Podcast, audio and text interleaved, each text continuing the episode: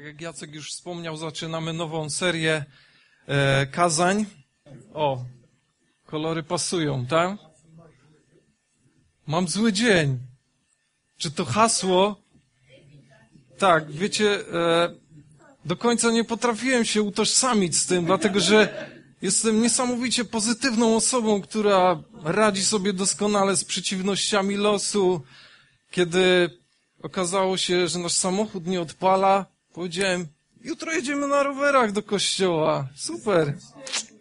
Hej, nic nie jest w stanie popsuć, e, znaczy może nie nic, ale jest niewiele rzeczy, które są w stanie popsuć e, moje nastawienie do życia i myślę, że przez to, że e, przeszedłem wiele, nie wiem jak to brzmi, to może brzmi śmiesznie, ale, ale myślę, że będziemy rozmawiać właśnie o naszym nastawieniu, będziemy rozmawiać o, o postawach, które możemy przyjąć w różnych trudnych sytuacjach naszego życia i to pojęcie zły czy słaby dzień przytrafia się każdemu, prawda?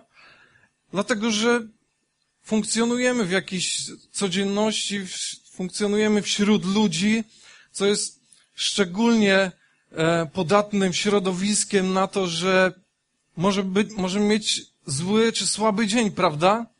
Dlatego, że wystarczy, że koło mnie pojawi się osoba, która już ma słaby dzień i o tym wie i wtedy tak naprawdę niewiele trzeba, żebym ja był pod wpływem tej osoby i przez to, że ona w jakiś sposób e, już ten swój e, zły dzień, że tak powiem, emanuje nim, to czasami bardzo łatwo jest y, przejąć już to i, i myślę, że często widzę to w naszym małżeństwie, prawda, kochanie?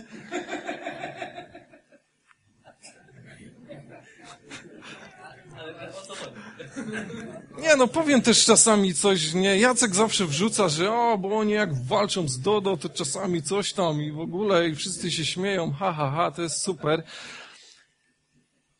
Ale czasami tak jest. Czasami właśnie ta najbliższa osoba wystarczy, że już w jakiś sposób e, jest nastawiona i, i emanuje trochę tym e, jakimś taką negatywną energią i ja wtedy bardzo szybko to podłapuję. Ale e, no właśnie, to mogą być różne przyczyny, słuchajcie. To nie tylko rodzina z trójką dzieci.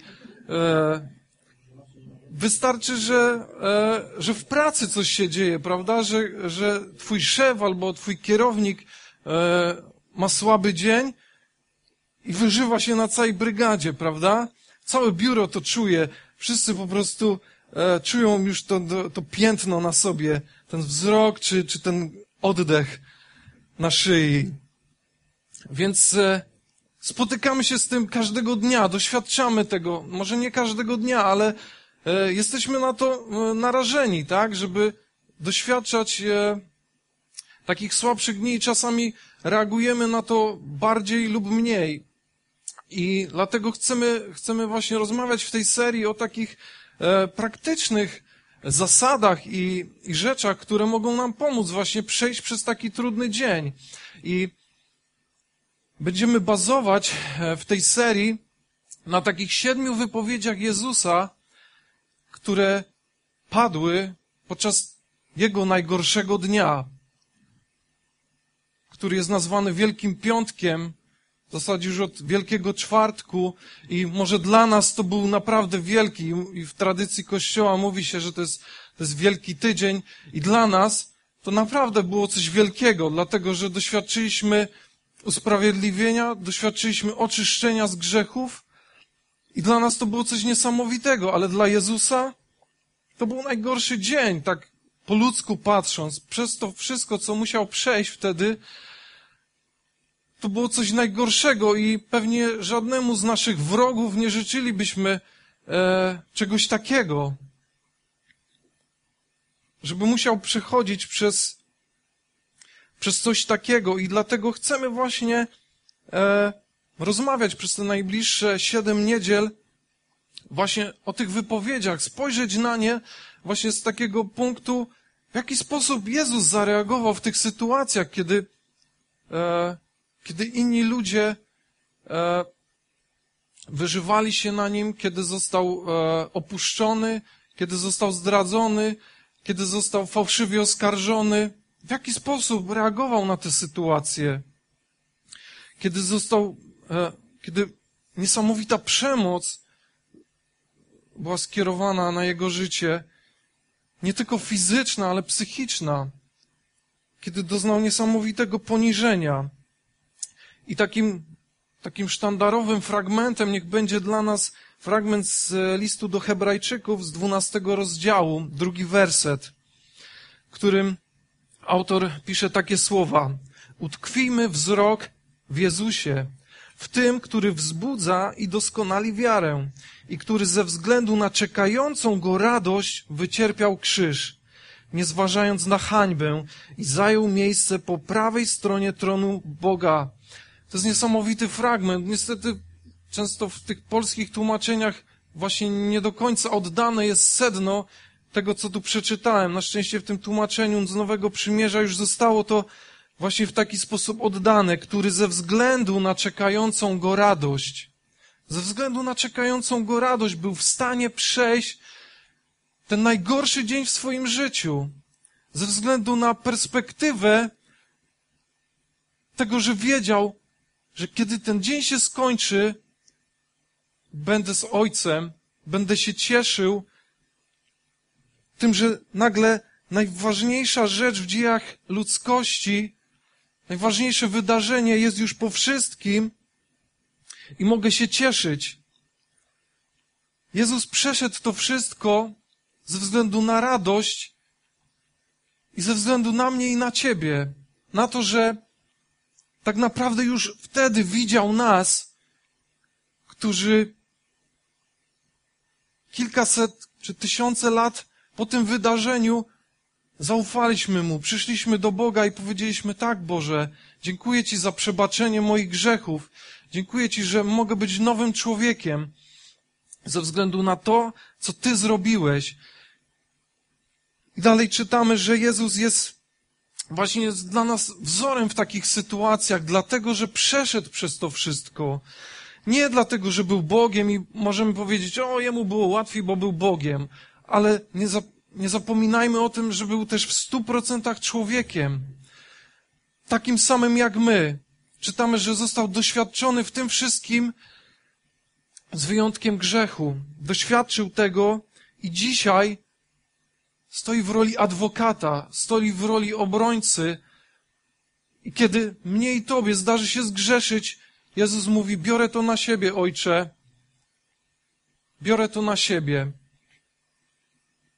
To jest niesamowita perspektywa tego, że dzisiaj, kiedy my przechodzimy przez trudne dni, kiedy zmagamy się z grzechem, z przeciwnościami, z problemami rodzinnymi, czy finansowymi, czy w pracy nam się nie układa, Jezus jest tym, który jest naszym adwokatem. Jezus jest tym, który bierze, który bierze nas w obronę.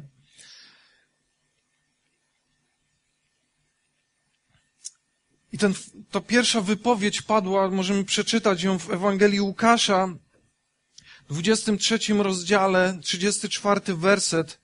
I ta pierwsza wypowiedź Jezusa na krzyżu brzmiała właśnie tak. W tym czasie Jezus mówił, Ojcze, przebacz im, bo nie wiedzą, co czynią. Ojcze, przebacz im, bo nie wiedzą, co czynią. I ta, ta pierwsza rzecz właśnie dotyczy przebaczenia. Ta pierwsza wypowiedź, którą, która padła z ust Jezusa, była tak ważna, że dotyczyła właśnie przebaczenia. Po tym wszystkim, czego już doświadczył przez te ostatnie 12 godzin, doświadczył zdrady bliskiej osoby, doświadczył odrzucenia, bo ci wszyscy, którzy byli jego zwolennikami, nagle zamknęli usta i ukryli się. Nikt nie wstał i powiedział, hej, on jest, on jest dobrym człowiekiem, nie macie prawa go oskarżać. Nikt z jego przyjaciół nie stanął w jego obronie, wszyscy się zwinęli. Czy doświadczyłeś czegoś takiego w swoim życiu, kiedy ktoś, na kim polegałeś, że kiedy w takiej sytuacji konfliktowej czy trudniej weźmie cię w obronie i powie, hej, to nieprawda, ja wiem jak to było, jestem świadkiem tego, że, że to wyglądało inaczej. I nagle wszyscy milczą, odsuwają się, nikt nie chce ciebie poprzeć. Doświadczyłeś czegoś takiego? Kiedy został fałszywie oskarżony, kiedy ludzie zostali e, dostali w łapę, żeby powiedzieć fałszywe rzeczy o nim. To jest, to jest straszne i to już w nas wyrodzi coś takiego, kiedy czujesz, jesteś w sytuacji, kiedy ktoś ciebie fałszywie oskarża i próbujesz się bronić, wiesz, że jesteś niewinny, ale, ale nie wiesz, jak to zrobić. Tego doświadczył Jezus. Doświadczył strasznej przemocy, doświadczył strasznego prze, poniżenia, ale mimo to pierwsze słowa, które wypowiedział, Boże, przebacz im, bo nie wiedzą, co czynią. To słowa przebaczenia. Są one na tyle ważne i myślę, że na tyle często warto o tym mówić, że Jezus nawet, kiedy uczył swoich uczniów, jak się modlić, bo przyszli do Niego z taką potrzebą, powiedzieli, Jezu, naucz nas modlić się, jak mamy się modlić tak naprawdę? Że te słowa o przebaczeniu zostały właśnie zawarte w tej modlitwie, w takiej modlitwie, którą możemy modlić się codziennie. Modlitwa Ojcze Nasz. Dlatego kwestia przebaczenia jest niezwykle ważna w takich takich codziennym, w takim codziennym życiu, w takich codziennych relacjach z innymi ludźmi, gdzie po prostu jesteśmy narażeni na zranienie. Jesteśmy narażeni na to, że ktoś potraktuje nas niesprawiedliwie, prawda? I czujemy się strasznie wtedy i chcielibyśmy tak naprawdę ukarać tą osobę, wyżyć się na niej, e, w jakiś sposób e, e, odwdzięczyć się jej tym pięknym za nadobne, zemścić się po prostu. Ale Jezus uczy nas czegoś zupełnie innego. Uczy nas przebaczenia, uczy nas tego, żebyśmy przebaczali każdej osobie, która może e, specjalnie, a może wcale nie, przypadkowo chce zniszczyć nam ten dzień, chce zniszczyć nasze życie.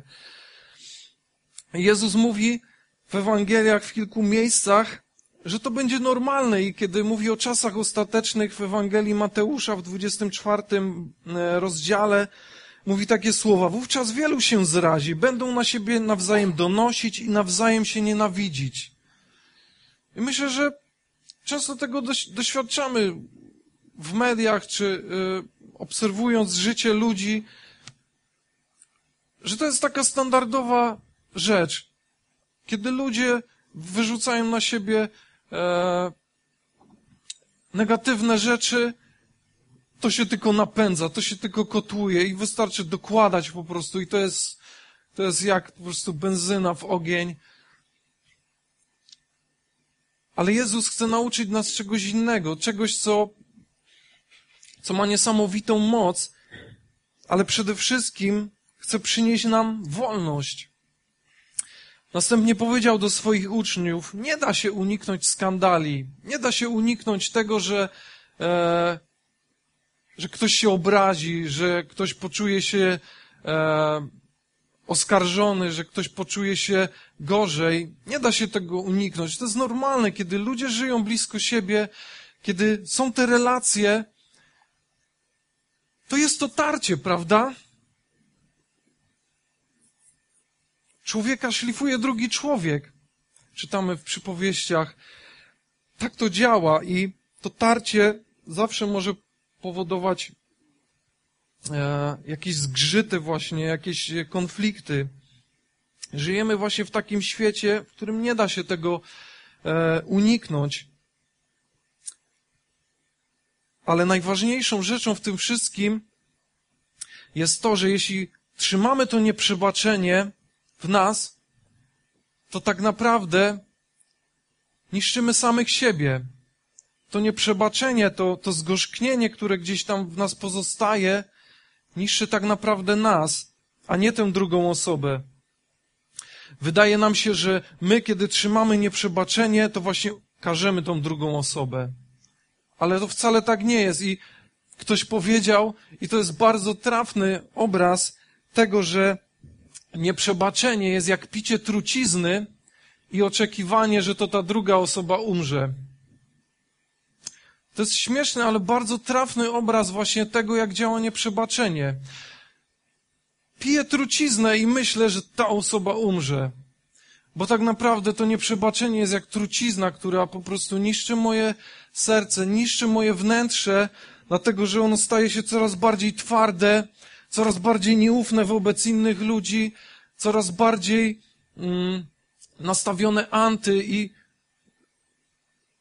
w zeszłym tygodniu właśnie Dorota mówiła na temat zaufania i podawała statystyki, które pokazywały, że jesteśmy bardzo nieufnym narodem. Być może przez to, co przeszliśmy jako naród i może przez to, że też nie potrafiliśmy się rozprawić z tym nieprzebaczeniem naszym sercu i dlatego jest w nas taka nieufność, taka wrogość do, e, do innych ludzi, do obcych, tak? Że, że trudno jest nam zaufać innym ludziom, dlatego że byliśmy nauczeni, nie, nie możesz ufać e, obcym, nie możesz ufać innym ludziom, bo oni tylko przychodzą po to, żeby cię okraść, żeby cię skrzywdzić. Często może tak jest i może z czegoś to wynika, dlatego że do tego prowadzi takie chowanie zgorzknienia, chowanie nieprzebaczenia w swoim sercu. To ogranicza nas i zatrzymuje przed takim dostępem innych ludzi do naszego życia i często może powstrzymać też to dobro, które inni ludzie chcą wnieść do naszego życia. A my, ze względu na te mechanizmy obronne, mówimy nie, nie zaufam tej osobie, bo ona jest obcokrajowcem, albo ona pochodzi z innego regionu Polski, a Ślązakom nie można ufać. Na Kaszubach szczególnie, albo innym z, z Wielkopolski. Więc czasami takie rzeczy mogą z czegoś wynikać i one niesamowicie nas ograbiają, one niesamowicie nas powstrzymują przed takim życiem pełnią życia. I o tym, o tym mówią też właśnie przy powieściach Salomona. Czytamy coś takiego. Brat oszukany mocniejszy stawia opór niż warowny gród, a jego upór jest jak zasuwy pałacu. To są mocne słowa, które pokazują, że jeżeli byliśmy zranieni, ktoś stracił nasze zaufanie, to teraz będziemy już trzy razy bardziej czujniejsi i będziemy ostrożnie traktować ludzi. Właśnie to nieprzebaczenie tworzy w nas taki wewnętrzny opór, taki mechanizm obronny, że właśnie reagujemy obronnie na wszystko. A często Bóg chce przynosić niesamowite rzeczy do naszego życia, ale jest w nas taki opór, jest w nas ta nieufność. Przez to może, że ktoś nakreślił ci Boga w taki sposób, albo obraz Boga przedstawiony w różnych środowiskach czy mediach jest dla ciebie taki, że masz opory i nie chcesz się związać z Bogiem, czy kiedy myślisz o Kościele, to przychodzą ci same negatywne rzeczy, które może wydarzyły się w Kościele, jest w tobie taki wewnętrzny opór. Jeżeli nie rozprawimy się z nieprzebaczeniem, stanie się ono takim korzeniem zgorzknienia, o którym też pisze autor tego listu e, do Hebrajczyków, dalej, kiedy czytamy dwunasty rozdział mówi coś takiego. Uważajcie też, aby ktoś nie pozostawał z dala od Bożej łaski, aby jakiś pnący się w górę pęd z korzenia goryczy nie wywołał zamieszania i nie doprowadził do zarażenia się wielu. Zobaczcie, jakie to jest niebezpieczne, kiedy jesteśmy ludźmi, którzy chowają w sobie urazę, którzy chowają w sobie nieprzebaczenie, Zobaczcie, że nagle to może mieć wpływ na innych ludzi, którzy są wokół nas, bo nagle zarażamy ich tym brakiem zaufania, nagle zau, e, zarażamy ich tym negatywnym myśleniem, negatywnym mówieniem na temat różnych spraw.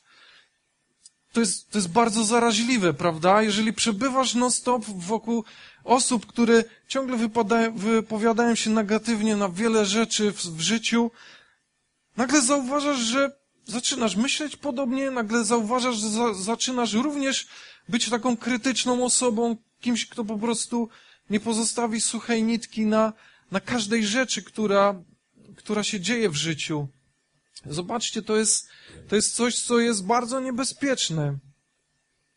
I jeżeli jest ktoś, kto miałby prawo nie lubić ludzi, to na pewno Jezus. Po tym wszystkim, czego doświadczył, prawda?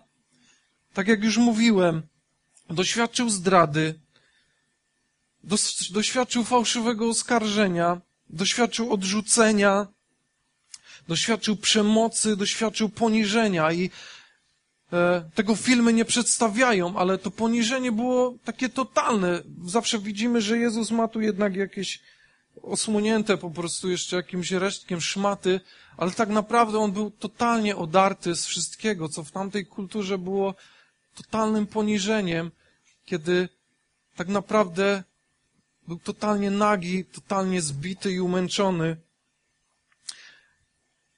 I czytamy, że przeszedł to wszystko po to, aby dzisiaj, jako ten arcykapłan, mógł pomóc mnie i Tobie, kiedy przechodzimy przez podobne rzeczy. Na pewno nikt z nas nie doświadczy czegoś podobnego, ale jednak doświadczamy zranień, doświadczamy trudnych rzeczy i one mają wpływ na nasze życie i, i to, jak się czujemy i to, że czujemy się zranieni. A, ale przebaczenie to tak naprawdę jest takie starcie umysłu i emocji. Nasze emocje są w rozsypce. Kiedy jesteśmy zranieni, nie potrafimy podejmować racjonalnych decyzji, dlatego że te emocje kierują naszymi decyzjami. Nasze emocje kierują tym, co mówimy o innych ludziach, zamiast, e, zamiast to umysł, który jest odpowiedzialny za takie trzeźwe myślenie. Ale w pierwszym liście Piotra Piotr mówi właśnie takie ważne słowa. Skoro Jezus przeszedł przez to wszystko, a nawet więcej, nauczmy się myśleć tak jak On. Już dzisiaj padały te słowa, że Tadziu właśnie mówił, że czasami potrzebujemy i ciągle potrzebujemy takiej zmiany myślenia. Potrzebujemy ciągłej przemiany tego starego sposobu myślenia, który czasami ciągnie się za nami z przeszłości, aż nawet od dzieciństwa, gdzie zostaliśmy nauczeni, jak traktować ludzi w pewien sposób i nagle oddajemy życie Bogu? Okej, okay. ale kiedy dochodzi do jakichś konfliktowych sytuacji, ciągle reaguję w taki sposób, jak zawsze to robiłem. Walka, rzucanie w ludzi, mocne starcie. Dlatego ciągle potrzebujemy nieustannej zmiany myślenia. Ciągle potrzebujemy tego, żeby nasz umysł, nasze, nasze myślenie zmieniało się. W wielu, wielu, wielu miejscach też Paweł o tym pisał, żebyśmy składali nasze e, ciała jako ofiarę, która się podoba Bogu, właśnie przez to, że odnawiamy nasz umysł. To jest e, list do Rzymian, dwunasty rozdział na początku. Dlatego potrzebujemy nauczyć się myśleć tak jak On, nauczyć się myśleć tak jak Jezus. Potrzebujemy takiego nowego sposobu myślenia. Myślenia, że skoro ja jestem osobą, która doświadczyła przebaczenia, Doświadczyłem przebaczenia wszystkich moich grzechów. To jest niesamowite i czasami nie do pojęcia, że nawet tych grzechów, których jeszcze nie popełniłem, jeszcze nie zdążyłem ich popełnić. Ale Bóg już za, już za to zapłacił. Jezus już za to zapłacił. I moją reakcją powinna być wdzięczność przede wszystkim. Boże, dziękuję Ci, że przebaczyłeś mi, dlatego ja chcę też przebaczać innym. I trafnie to ujął e, pan pisarz Louis, który powiedział coś takiego, że bycie chrześcijaninem to umiejętność wybaczania tego, co niewybaczalne, bo Bóg wybaczył to, co niewybaczalne we mnie. Tak naprawdę zawsze patrzę na to, że ja doświadczyłem tak niesamowitego przebaczenia. Bóg najlepiej wie, co było w moim życiu. I może kiedy ludzie się czasami porównują, myśli, o, ty jesteś porządnym człowiekiem z dobrej rodziny, ale to nie ma znaczenia, dlatego że Biblia mówi, że wszyscy zgrzeszyli. Że wszyscy zgrzeszyli, że każdy grzech oddziela nas od Boga. I to nie ma znaczenia, czy ktoś e, całe życie e, był złym człowiekiem, był na dnie, czy trwał w nałogach przez dziesiątki lat. I kiedy porównuje się go z człowiekiem, który wygląda na porządnego człowieka, to nie ma znaczenia, dlatego że każdy potrzebuje przebaczenia, że każdy potrzebuje przyjąć najpierw to, to przebaczenie od Boga. Dlatego, że przebaczenie to danie tej drugiej osobie nie tego, na co zasługuje, ale danie jej tego, czego potrzebuje. A każdy potrzebuje przebaczenia. Każdy z nas tego potrzebuje i, i to jest piękne, że Jezus, czytamy, umarł za wszystkich, zanim nawet jeszcze my się pojawiliśmy. Za każdy grzech już wtedy umarł. I dzisiaj, kiedy przychodzisz do Boga i prosisz o przebaczenie, to On nie musi znowu wspinać się na krzyż i umierać ponownie, dlatego że już zrobił to dwa tysiące lat temu. Już za to zapłacił.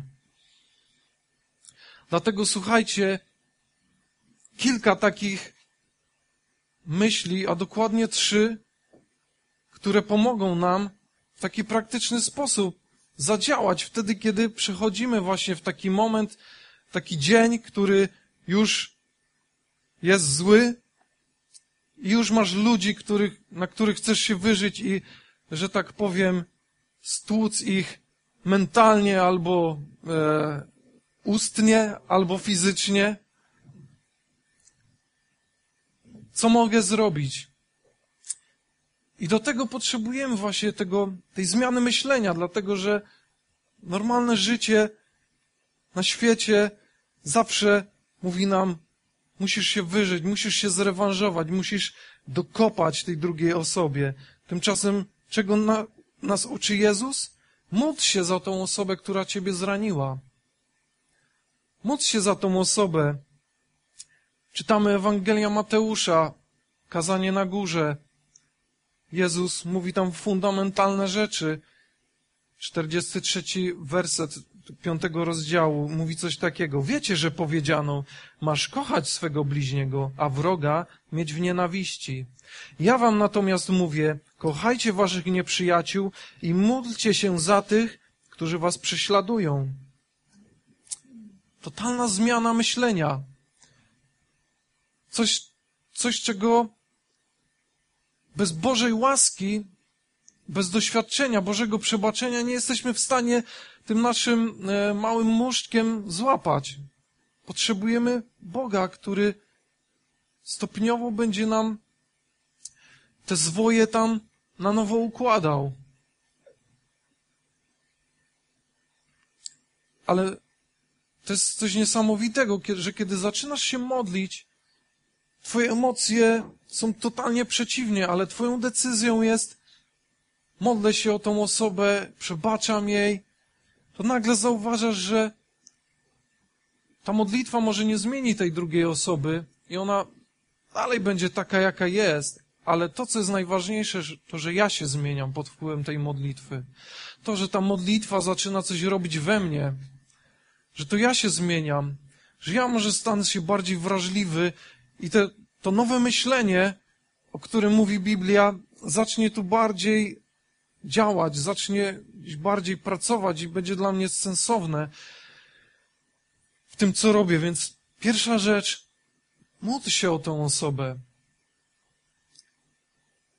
Druga rzecz, to błogosław ją. Błogosławić, czyli mówić o kimś dobrze. To, co zawsze ciśnie nam się najpierw na usta, to przekleństwo, to mówienie źle o tej osobie, to mówienie, że nie chcę tego nawet wypowiadać. Powiedziałbym, ale potem trzeba by było to wyciąć pikaniem i wycenzurować.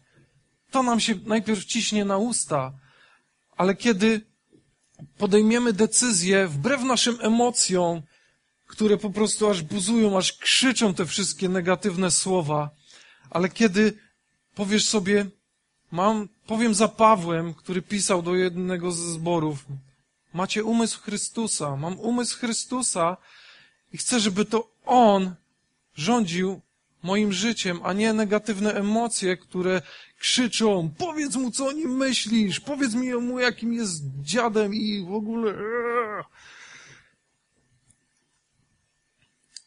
Błogosław.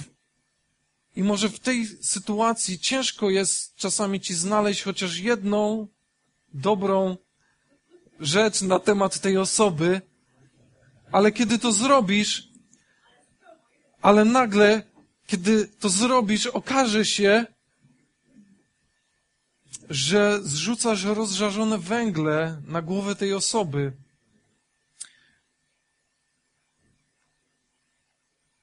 O tym też mówi Biblia. Lecz wam, słuchającym, polecam, kochajcie swoich wrogów, bądźcie dobrzy dla tych, którzy was nienawidzą. Dobrze życzcie tym, którzy was przeklinają. Módlcie się za tych, którzy wam szkodzą. Ewangelia Łukasza, szósty rozdział. Dobrze życzcie tym, którzy was prześladują. Dobrze życzcie, a nie przeklinajcie. List do Rzymian, dwunasty rozdział.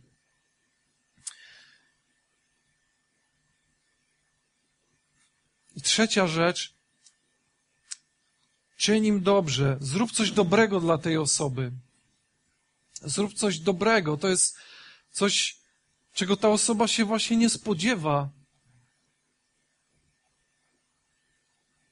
Ale tego właśnie uczy nas Jezus. Nie odpłacajcie nikomu złem za zło. Starajcie się o to, co jest dobre dla wszystkich ludzi.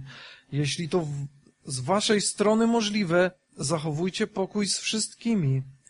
Najdrożsi, nie mścicie się sami. Pozostawcie miejsce gniewowi Bożemu. Czytamy przecież, pomsta należy do mnie. Ja odpłacę, mówi Pan. Lecz jeżeli twój nieprzyjaciel jest głodny, nakarm go. Jeśli spragniony, daj mu się napić. To czyniąc, zgarniesz na jego głowę rozżarzone węgle. Wiem, że czasami, kiedy nasze emocje są już na krawędzi, to te słowa są tak odległe, to co przeczytałem jest tak niewykonalne dla nas, dlatego że wszystko w nas po prostu krzyczy, zabiję cię, mam ciebie dosyć. Aż tak nie. Ja teraz wypowiadam to, co dzieje się w, ja teraz e, wypowiadam to, co dzieje się w głowie flegmatyka, który ma, wiecie, poker face, ale w tej głowie wszystko się gotuje. Nie, może tak nie jest aż do końca, ale e, ale tak jest. To jest coś totalnie i tak myślałem, jak, jak próbowałem sobie wyobrazić e, twarze słuchających Jezusa podczas tego kazania e, na górze i naprawdę? To było coś totalnie innego, totalnie rewolucyjnego, co on wtedy im mówił. I ci biedni ludzie, ubłodzy, którzy byli spragnieni dobrej nowiny, siedzieli tam i słuchali tego, próbowali to gdzieś złapać. I to nie jest łatwe. I kiedy, kiedy doświadczasz zranienia, kiedy doświadczasz e, tego, że nieprzebaczenie zaczyna gdzieś drążyć e, w Twoim sercu, bo przebaczenie nie jest tym, że nagle powiesz, no dobra, nic się nie stało. Jakby spróbowaniem, nie wiem, takim wyparciem albo umniejszeniem tego, że coś naprawdę się stało. To nie jest przebaczenie. Że powiesz, no nic się nie stało, ale tak naprawdę w twoim sercu dalej to się jątrzy, dalej jątrzy się ten jad i po prostu niszczy ciebie i wykańcza, ale powiedziałeś, że a dobra, bo chcę mieć spokój, niech się odczepi, ale tak naprawdę to nie jest przebaczenie, dlatego że przebaczenie to jest działanie jednostronne. I często możesz, po prostu wymaga to mojej decyzji i mojego działania, powiedzenia, przebaczam tej osobie. Przebaczam to, że, że tak postąpiła ze mną, że zrobiła mi to, ale nie chcę się przywiązywać, to tak jakby przywiązać się do kajdankami do kaloryfera i do tego przebaczenia. Wydaje ci się, że to ta druga osoba cierpi, ale tak naprawdę to ja najbardziej cierpię, pijąc po prostu tą truciznę i czekając, aż ta druga osoba padnie. Tak nie jest. I przebaczenie to też nie jest pojednanie, dlatego że pojednanie to jest coś zupełnie innego. Pojednanie to jest, kiedy obie strony działają do tego, żeby rozwiązać ten konflikt, żeby żeby załagodzić tę sytuację, żeby rozwiązać to raz na zawsze, skończyć to. Ale nie zawsze mamy taką możliwość, nie zawsze ta druga osoba chce. Ale to, co my wtedy możemy zrobić, to właśnie zadziałać i rozprawić się z nieprzebaczeniem, które jest w moim sercu, rozprawić się z tym, e, z tym zranieniem, rozprawić się z tym, co zostało e, to, co mnie spotkało. Ale kluczem właśnie jest to zrozumienie, że tak naprawdę jestem taką samą osobą jak ona.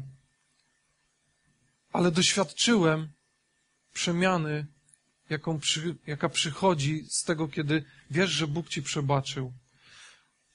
Że możesz mieć pewność, że jestem we właściwej relacji z Bogiem, że nie ma żadnej przeszkody, która stoi między mną a Bogiem, dlatego że wiem, że On mi przebaczył, że On cieszy się mną, że nazywa mnie swoim dzieckiem.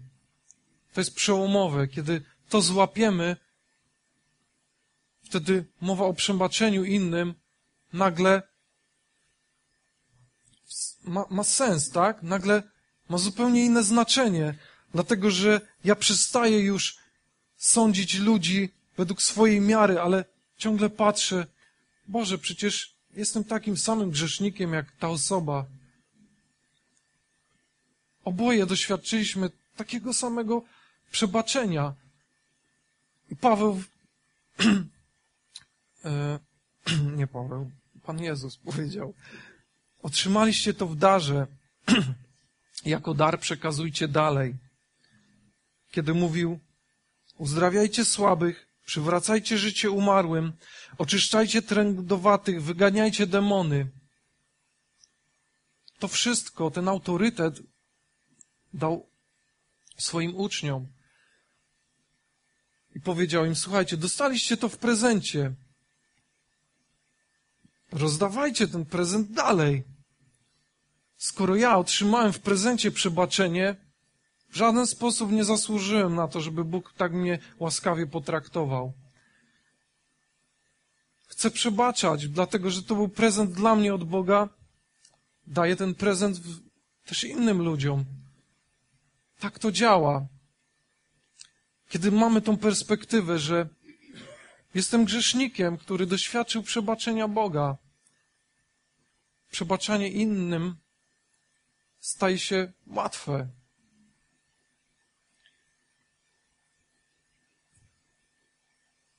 Dlatego ci, którzy doświadczyli przebaczenia, przebaczają z łatwością. I chciałbym, żebyśmy teraz mogli się pomodlić, żeby każdy z nas spojrzał na swoje serce i pewnie przypomną ci się sytuacje, może w których byłeś, a może które ciągle trwa i nagle zauważasz, hej, chyba mam problem z nieprzebaczeniem, dlatego że może to w jaki sposób dzisiaj traktuję ludzi właśnie wynika z tego, że ciągle trzymam jakąś urazę względem jakiejś osoby i to ona zatrzymuje mnie dzisiaj przed tym, żebym otworzył się na innych ludzi. Może tak jest. Może warto dzisiaj powiedzieć, Boże, tak naprawdę jestem zwykłym grzesznikiem, który zasługuje na potępienie, ale dzięki Twojej łasce doświadczam przebaczenia. Doświadczyłem tego i mogę się tym cieszyć, dlatego chcę przebaczyć wszystkim ludziom, którzy w jakiś sposób mnie zranili. Jeżeli to jest Twoja modlitwa dzisiaj, jeżeli myślisz, chcę się tak pomodlić, chcę podziękować Bogu za Jego przebaczenie i chcę przebaczyć tym, którzy mnie zranili. Proste. To wstańmy teraz i, i spędźmy ten czas właśnie modląc się w ciszy. Nie będę tu nikogo zapraszał, żeby teraz stał tutaj i wylewał swoje łzy, dlatego że to jest coś, co się dzieje w naszym sercu i nie musisz teraz e, wykrzykiwać tutaj tych wszystkich imion tych wszystkich osób, którym nagle przebaczasz. Najważniejsza jest decyzja, która wydarza się w Twoim sercu teraz. Kiedy mówisz, pora rozprawić się z tym nieprzebaczeniem, pora uciąć, wykopać ten korzeń, który rośnie i niszczy moje życie. Dosyć z tym. Pora przyjąć Boże przebaczenie i rozdawać je innym. Tak, Panie Jezu, dziękujemy Ci za to, że dzięki Tobie możemy dzisiaj być tutaj i stać jako ci, którym przebaczono tak wiele. I to nie ma znaczenia, jakie było nasze życie w przeszłości. Najważniejszy jest fakt, że Ty, Jezu, zapłaciłeś już za wszystko. Że Ty zapłaciłeś za moje wolne życie, za życie wolne od zranień, za życie, w którym mogę rozprawić się z każdą sytuacją przebaczyć, kochać tą osobę, która mnie zraniła, mówić o niej dobrze, zrobić coś dobrego dla niej, doświadczyć zupełnie innego stylu życia, Panie. Dziękuję Ci za to, że dzisiaj żadne nieprzebaczenie nie musi już rujnować mojego życia i przez nawet przez trudne dni, które się zdarzają i których nie unikniemy, mogę przejść zwycięsko, mając po prostu radosne serce, mając czyste serce, po prostu przebaczając, dlatego że sam doświadczyłem przebaczenia. Dziękuję Ci, Jezu, że Ty za to zapłaciłeś, że dzisiaj już nie muszę nic do tego dokładać. Po prostu przyjąłem od Ciebie, rozdaję innym.